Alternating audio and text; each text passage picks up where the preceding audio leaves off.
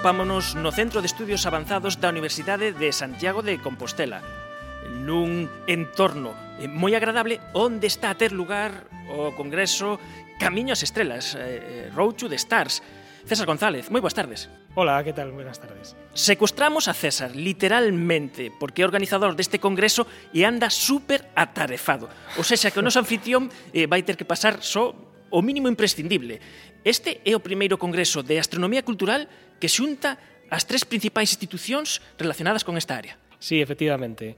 Eh, ha habido otros, otras reuniones en que algunas de las dos sí que se habían reunido, pero es la primera vez que las tres grandes reuniones pues, se juntan en el mismo sitio eh, y la verdad es que ha sido una experiencia estupenda porque esto ha permitido juntar gente de muy diferentes orígenes. Eh, hay arqueólogos, hay antropólogos, hay astrofísicos, hay historiadores del arte, hay artistas que han venido a hablarnos de, de cómo ellos se inspiran en, el, en los eventos astronómicos para hacer sus obras de arte. ¿no? E ademais, eh, o interesante é que este concepto de astronomía cultural xa ten o seu propio peso, porque eh, ao principio había como segmentos, esa arqueoastronomía, pero isto é moito máis amplo. Sí, claro. La arqueoastronomía de alguna manera intenta investigar cómo el cielo se incorpora en las orientaciones, por ejemplo, de los edificios o como estos se sitúan en el paisaje y tienen relación pues, con las salidas, las puestas del sol, de la luna, de otros eventos. Sin embargo, la astronomía en la cultura es más amplio. Es un tema que incorpora también pues, simplemente entender cómo el cielo eh, era entendido por las sociedades del pasado y era incorporado dentro de su propia sociedad para llevar a cabo pues, las más diversas tareas o simplemente para explicar el entorno. ¿no? E supoño que é moi inspirador escoitar artistas, ti és astrofísico, pero agora és mm, non sei, das máximas autoridades en astroarqueoloxía eh, que temos en Galicia eh, en España, supoño que se aprende moitísimo. Sí, precisamente para esto son estas reuniones, ¿no? No vienes aquí simplemente a contar lo tuyo y a echarte a dormir, sino a escuchar todo lo que tienen que contarte, a cuestionarte lo que estás haciendo tú e obviamente a cuestionar lo de los demás. Pois imos facer unha pesca de congresistas de todas as nacionalidades para dar unha idea das cousas que se están a aprender, a compartir eh, nestes días, neste Camiño ás Estrelas, neste Congreso Internacional de Astronomía Cultural. Moitas grazas, César. Gracias a vosotros. Música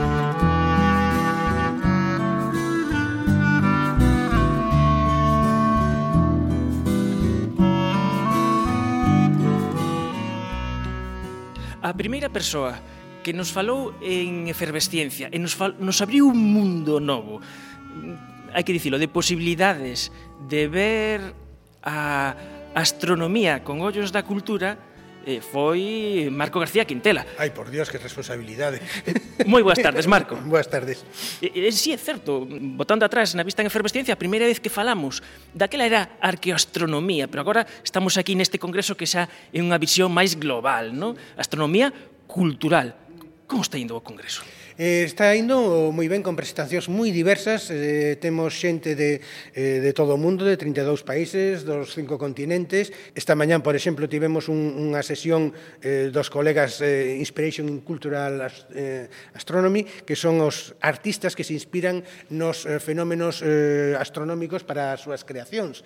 Eh, tivemos un elenco de inspiracións absolutamente fascinantes, pero tamén eh, fenómenos culturales da China medieval, eh, da prehistoria, eh, das Américas... Australia eh, tamén, eh, hai unha boa presentación. Eh, Australia hai varias presentacións, etc. Tenemos realmente fenómenos eh, globais. E, e que presentades, eh, que comunicacións traedes a, a este encontro? Bueno, pois eh, temos distintas eh, cousas. Eh, eu personalmente dúas, con, dúas cousas con, con César. Unha eh, relativa ao Castro de Baroña, que vai a salir publicado aquí en, en, en Galicia dentro de pouco. E aquí mm, fixemos a, a versión internacional, chamemos así, porque eh, hai un montón de, de alineamentos solares no contexto do Castro de Baroña e de, mm, eh, do, de do, de, entorna cos petroglifos de, de Montegurita, etc. E, eh, coa paisaxe xeral eh, do sitio que é moi interesante, eh, se che digo, vai a ser, sair publicado unha revista de aquí mm, en breve, e eh, aquí facemos a, a versión internacional e despois unha cousa que, que estamos perseguindo de, de, de fai tempo César e Maiseu que a, a cosmoloxía na, na na Galia, eh, na Francia, porque danse eh, circunstancias moi, moi específicas e interesantes de interacción entre o que é un poder eh, román triunfante eh, co comenzo do reinado de Augusto que ten unha ideoloxía cosmolóxica etc. absolutamente complexa e fascinante co mundo dos druidas que apenas acaba de conquistalo o seu pai adoptivo que é Xulio César eh, que está aínda vivo eh, de alguna maneira e como interactúan dúas cosmoloxías, unha eh, en declive, podemoslo decir así, pero que, que estaba moi presente de moitas eh, maneiras aínda na, eh, na Galia independente até facía poucos anos, e a cosmoloxía imperial romana, da ideoloxía romana impulsada por Augusto. Entón, ese, ese, ese, esa, esa interfaz dase na Galia eh, non sei se eso é imaginario, pero agora que falas dos galos e interacción cos romanos, estou pensando en Asteris, que decían que tiñan, o único medo que tiñan os galos é que o ceo caese enriba das súas cabezas. Non sei eh, non sei se aí eh, Gostini eh, estaba botando imaginación ou existe, eso no, está. No, no, eso eso está a, a, atestado eh nun texto, creo recordar, eh, porque o, o que pasa, non estou seguro, o puse na miña presentación. Eh creo que de Estrabón que cita unha fonte máis antiga que eh decía que unha un grupo de galos que se foi a entrevistar co rei Alexandre Magno de de Macedonia e que eh decían que un eh, que a cousa única que que, temían os, os celtas era que efectivamente o ceo caese sobre as súas testas como que, mm, pero eso ten que ver coa súa cosmoloxía era un, cos, un cosmos dividido en tres niveis o ceo o a terra e o mar e claro, o que temen son os eh, terremotos, que o ceo caía sobre as cabezas e e, unha treboada tremenda, unha treboada tremenda, claro, sí. que só temen a natureza. Marco García Quintela, eh, grazas por achegarte nos micros. Gracias, gracias a ti por pola atención. Necesito con urgencia transfusión de efervesciencia. E eh, para amosar a biodiversidade deste encontro de astronomía cultural o camiño cara as estrelas, contamos agora nesta mesa cun astrofísico eh, que, que traballa en Canadá. Eh, Julio Navarro, moi boas tardes. Buenas tardes cunha arqueóloga que é doutora en Historia pola USC, que é italiana, que é Cecilia Dalzobo. Boas tardes. Boas tardes. E atención, con outro italiano, este é un luthier, Giuseppe Severini. Moi boa tarde. Boas tardes. Boas tardes. E, increíblemente, todos eles comparten o, o mesmo congreso. E, empezamos a, a coñecer un poquinho a cada un deles, a, a Julio Navarro, Ti hai eh, un par de días como actividade complementaria a este congreso participaches nunha Nerd Night das que organiza Jorge Vira no Casino Santiago ateigadísimo de xente polo que me dixeron que había colas para entrar e falaches das cosas nas que ti traballas en astrofísica que traballas en simular o universo ah, teño o meu carón unha persoa que ten o universo no seu cerebro, pero no seu cerebro electrónico, nas súas computadoras. Como se mete un universo nunha computadora? Tratamos de poner las condiciones iniciales que creemos vienen del Big Bang, y usamos las leyes de la física que conocemos y entonces si nuestro modelo está bien, tiene que salirnos un universo en la computadora que se parece mucho al universo que observamos. Cunhas poucas restriccións, eh, metendo, tens que meter esa materia oscura que tanto intriga, eh, que non se sabe moi ben o que é, pero se se mete nos modelos, o universo que sai asemellase moito ao universo que, que, que temos. Claro, sin materia oscura no habría universo. Sin materia oscura no habría galaxias, no habría estrellas, no estaríamos nosotros. La materia oscura es lo que hace que las galaxias puedan formarse. Sin la gravedad de la materia oscura, nada existiría, no habría ninguna estructura como la que conocemos. En nas vosas investigacións utilizades os ordenadores máis potentes dos que temos eh, agora actualmente cunha capacidade de cálculo o máis que se ten os Fórmula 1 dos ordenadores, pero ademais traballando meses e meses e meses para facer unhas simulacións que metendo esos parámetros básicos, no que está aí esa materia escura, o que acontece é que se ve o desenvolvemento do universo cuns gráficos abrallantes e vais se vendo, hai, hai nada vimos un exemplo eh, que, que me amosabas no, no teu portátil que ven sendo un cubo no que van cristalizando uns filamentos.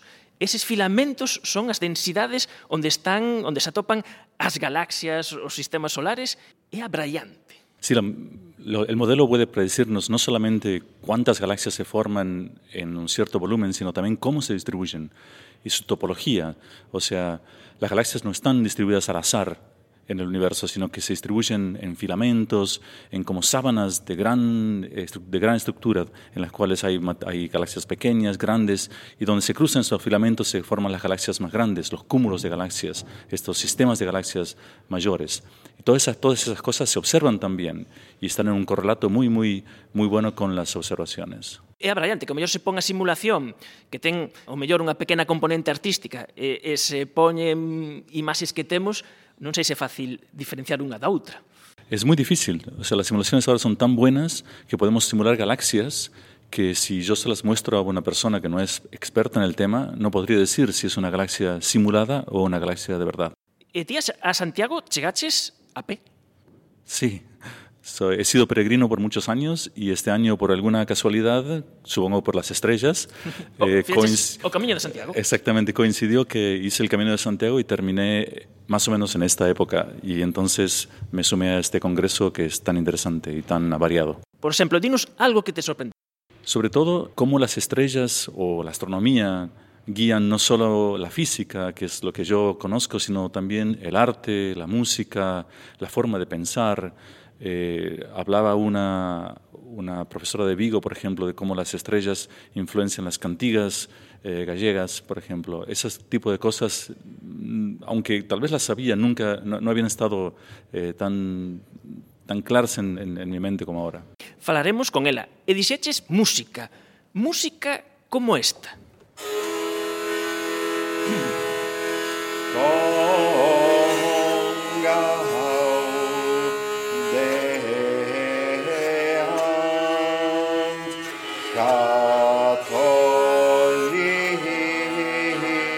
este é un instrumento medieval. Para algúns pode parecer que é unha zanfona, pero non é. É unha reproducción dun organistrum. Organistrum é ese mítico instrumento que está no pórtico da gloria do mestre Mateo que para ser tanxido necesita dous músicos ao mesmo tempo. Giuseppe, como se toca un organistrum? Uno dei due musicisti gira la ruota e l'altro eh, intanto muove le chiavi del, eh, della tastiera.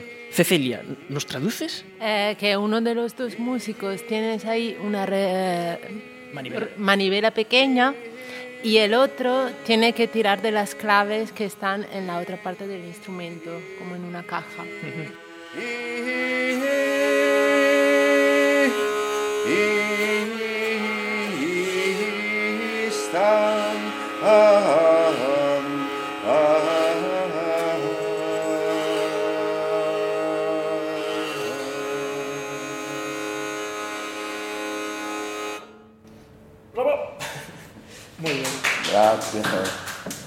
é fermosísimo este organistrum que, que temos aquí.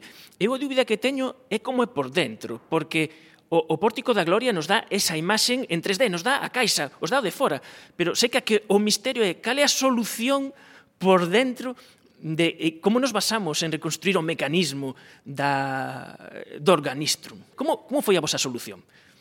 Eh, ogni liutaio ha la sua idea su questo, poiché non si sa esattamente, Eh, pues, eh, dice Giuseppe que cada luthier tiene su idea y para llegar eh, a producir el instrumento él utilizó pues fue experimentando, construyó un teclado con 11 claves y eso y para hacer eso él se remitió a fuentes documentales y a códigos antiguos como el Codex Calistinus y después otra documentación que está en Oxford eh, ou en París. É a gran pregunta. Eh, fascínanos organistrum, pero que fai un organistrum nun encontro de astronomía cultural? È vero, e questo sembra, sembra strano, ma eh, ci eh, può stare. Perché? Per capire Eh, la eh, singolarità, la particolarità di questo strumento. Che la risposta è molto affascinante e eh, eh digamos que la clave de la interpretación y también la construcción de este instrumento precisamente, eh, dice Giuseppe, está más no en los tratados musicales, sino en los tratados astronómicos. ¿Por qué? Tenemos ahí una ah, manera para entender cómo se construyó y también toda la simbología de la decoración. Entonces, este instrumento que es un unicum, casi hay muy pocas representaciones en Europa de este instrumento. Y no se sabe tampoco muy bien eh, su origen cómo se creó, probablemente fueron unos monjes, probablemente españoles, que en el siglo XII pues haciendo referencia a muchísimos elementos también astronómicos, lo pusieron en un instrumento musical. Cal é a idea cosmolóxica que está que defendes que está neste instrumento? Eh, la, la, la, prima cosa è la ruota. Eh, la primera clave efectivamente es la manivela o la rueda que sugiere el movimiento circular de los astros y de los planetas y la armonía celestial. Eh, segundo elemento Después hay una decoración en forma de rosa que está dividida en cuatro y que aludiría a la, las estaciones, las cuatro estaciones del año. El último es questo, que l'unica... Después hay un de, elemento decorativo único en todo el pórtico de la Gloria y de la catedral. La catedral que es così, e siccome è un, uh, un pues es, digamos, casi en forma de trenza, eh, es el nudo, sería el nudo céltico que, que ya en el siglo XII no se usaba ya mucho. secolo. E allora il significato è nei, eh, Estos diagramas, estas representaciones de las latitudines de los planetas en los documentos del eh, siglo IX hasta del siglo IX hasta el siglo XII, pues podrían ser una estili o sea, podrían estar estilizadas en este tipo de decoración che sta nell'organistrum. Ma c'è una questione numerica, è il numero che ci eh, conferma. Queste 1, 2, 3, 4, 12 eh, chiavi Y también las 12 claves eh, pues, haría referencia a eh, 12 grados eh, zodiacales que son eh, un esquema de organización mm, de los planetas eh, y del zodíaco que se encuentra también en la fuente latina de Plinio. Una idea que nos trae eh, Giuseppe de cómo eh, pode ser que unha eh, cosmoloxía, unha visión do ceo e de entender o universo, pois ten a súa representación na arte. Pero isto pasa aquí e pasa en Asia e pasa en Mongolia. Non é así, Cecilia? Es así. É que pasa en Mongolia? Pues, eh, también eh, estuve eh, presentando aquí una mm, posible alineación, eh, bueno, una orientación de una línea de eh, túmulos en la que, curiosamente, escuchando a Giuseppe, también la numerología, eh, los números de los túmulos que se usan son muy importantes y podrían hacer referencia a algunos, eh, alguna información astronómica muy antigua. Lo que pasa es que en el caso de Mongolia, contrariamente al Organistrum, no tenemos fuentes documentales. En Mongolia, además, no deserto.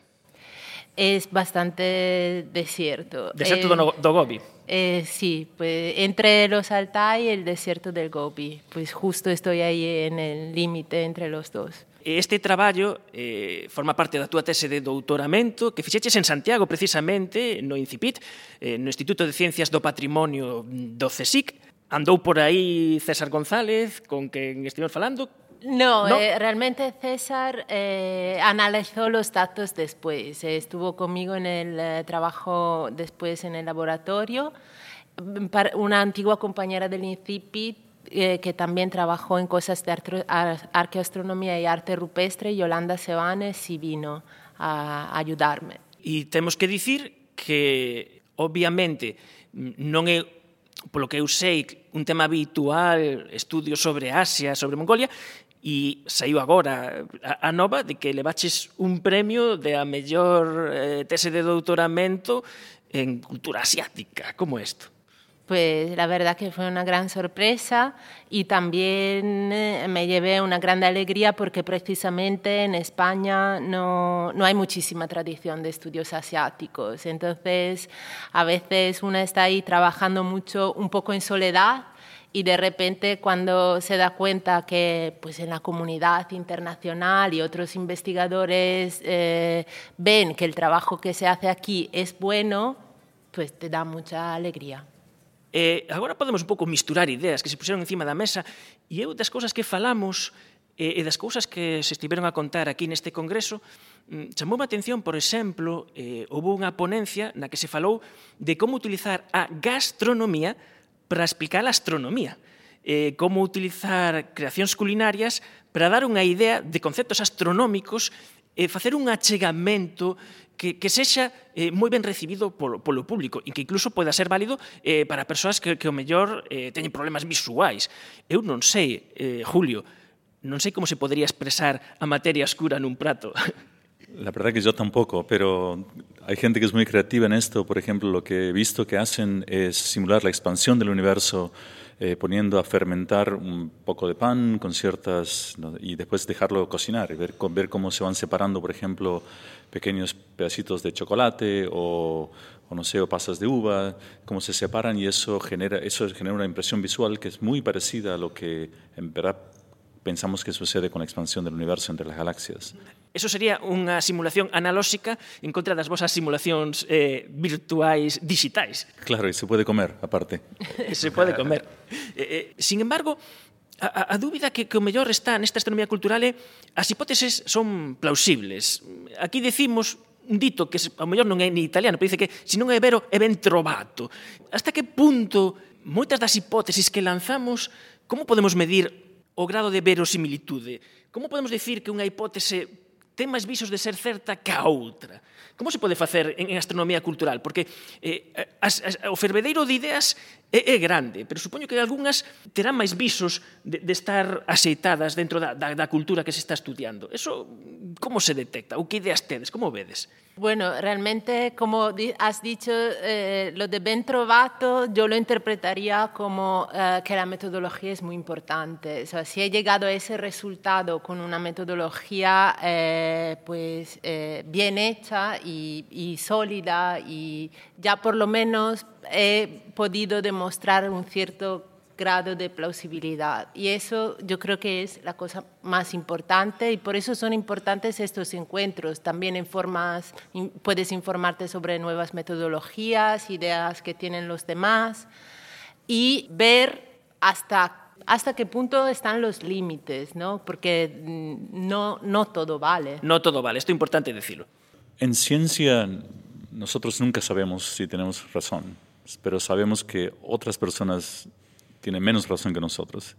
Todas nuestras teorías son, al mejor de los casos, incompletas, pero no quiere decir que sean equivocadas, como dices tú. La teoría, por ejemplo, de Newton de cómo se mueven los planetas, sabemos que es incompleta, pero la seguimos usando porque es muy útil para muchas aplicaciones. Ahora, una teoría más completa sería la teoría de la relatividad de Einstein, pero no quiere decir que una sea eh, que, no, que no, tenga, no tenga uso. Y también la teoría de Einstein sabemos que es incompleta. No sabemos todavía cómo completarla, pero sabemos que algunas cosas no las puede explicar. Entonces siempre es así. Estamos como, la, como un camino, digamos, como el camino a Santiago.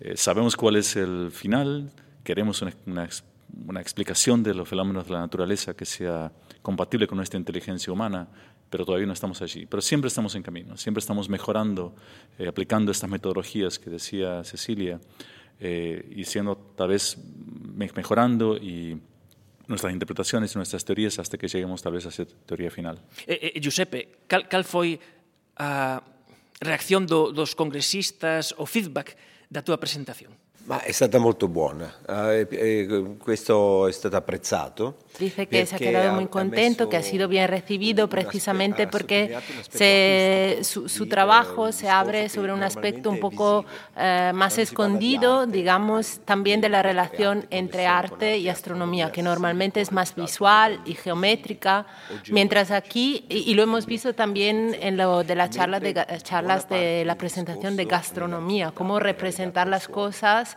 para personas que no ven bien pues aquí también ese aspecto acústico eh, pues nos hace también ver como en épocas más antiguas efectivamente se consideraba que fuera el sonido al origen del cosmos. Entonces, Giuseppe nos ha ofrecido también esta perspectiva. Pois coido que podemos eh, despedirnos volvendo a escoitar este Organistrum Eh, quen te acompaña na quen te acompaña na, na, na reproducción? Quen é outro músico? Marilena Lanzafame, mia moglie. Ah, bueno, pois pues, Marilena tamén moitas grazas por tocar a dúo este organistrum. Eh, moitas grazas a Cecilia Dalzobo, a Giuseppe Severine e a Julio Navarro por acompañarnos nos nosos micros portátiles. Moitas grazas aos tres. Gracias, gracias. hasta luego. Gracias. E come si chiama questa pezza? È un pezzo, un, pe- un piccolo pezzo, di mm, eh, uh, Cunctipotens Genitor Deus dal Codex Calistinus. Oh.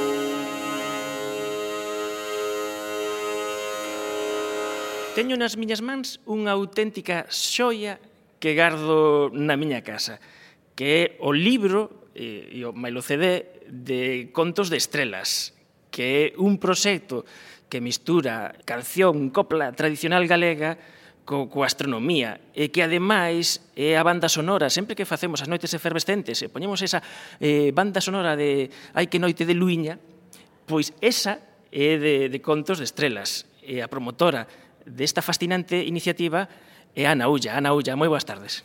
Boas tardes.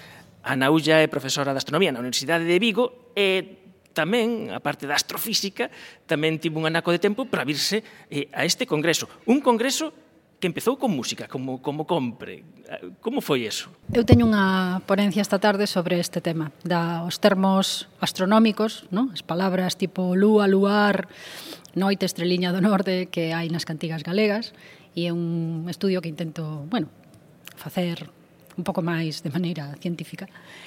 E para a inauguración do Congreso e das exposicións artísticas que hai no claustro de Fonseca o lunes pola tarde, aos organizadores pareceulles ben que se incluíse unha pequena mostra, un mini concierto con coplas astronómicas e o grupo Cantarusas da Asociación Astronómica, ah, perdón, si sí, astronómica sí, a Asociación de Veciños Valdo Fragoso de Vigo, eh, viñeron amablemente e, bueno, fixemos un concertiño bonito, lucido, con dúas pezas de baile, e había, claro, a xente do Congreso, pois, pues, eh, sorprendeulles un pouco e espero que lles gustou tamén, claro. As, as sensacións foron moi positivas. Empezar eh, cantando e bailando un congreso de gastronomía cultural e, e todo isto ben o fío de que supoño que o mellor sabía unha intuición eh, cando fixestes contos e, e coplas de estrelas eh, xa vistes, non? Que hai esa estreliña do luceiro eh, todos estes termos astronómicos, pero agora compre decir sistematizar eso, non? Dicir eh, rastrexar, contar, medir, ver de onde sae, ese é o proxecto. Ah, bueno, eu non son lingüista nin son música, son astrofísica, pero eh, enseguida decatei me fai moitos anos e non son eu a primeira porque está recollido en, en cantigueiros e, e en libros eh, de recopilación que hai moitas cantigas, pero moitas, moitas, que incluen estes termos. En, Entón, un pouco por hobby, empecé a recopilalos e falar con informantes e co escoitar e tomar nota, aprender as, as cantigas que teñen estes termos especialmente, algúns que son curiosos, como falan do carriño das estrelas, ou falan da estreliña do norte, hm? E, e pensei, bueno, que polo menos un primeiro, unha primeira aproximación a facer un estudio sistemático de cantas cantigas hai, cantas están repetidas, cantas incluen un termo, dous termos, tres termos ou politérmicas e, e que estatísticas se poden sacar de aí e a, unha a parte de interpretación esa xa espero convencer a algún especialista a un experto folclore, dos que pode haber por aquí por este claro, en es, especial, especialistas en folclore galego para a análise máis antropolóxica e lingüística a mí me encantaría realmente poder facer un que non no va a ser o primeiro estudio, digamos, eh? seguramente no, pero para mí pues é unha liña de que empezou sendo un hobby, pero que é unha liña de investigación que merece todos os meus respetos e me gusta moito que está salindo realmente. A astronomía na cultura, a astronomía na cultura tradicional galega, nas, nas cantigas, nas coplas.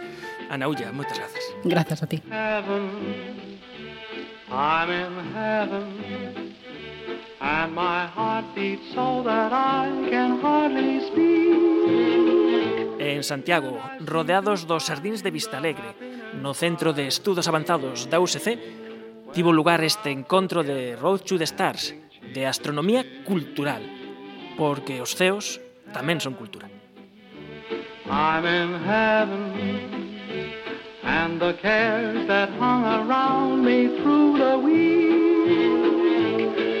to vanish like a gambler's lucky streak when we're out together dancing cheek to cheek. Oh, I love to climb a mountain and to reach the highest peak. But it doesn't thrill me half as much as dancing cheek to cheek. Oh, I love to go out fishing in the river or a creek but I don't enjoy it half as much as dancing cheek to cheek. Dance with me, I want my arm about you, the charm about you will carry me through to heaven. I'm in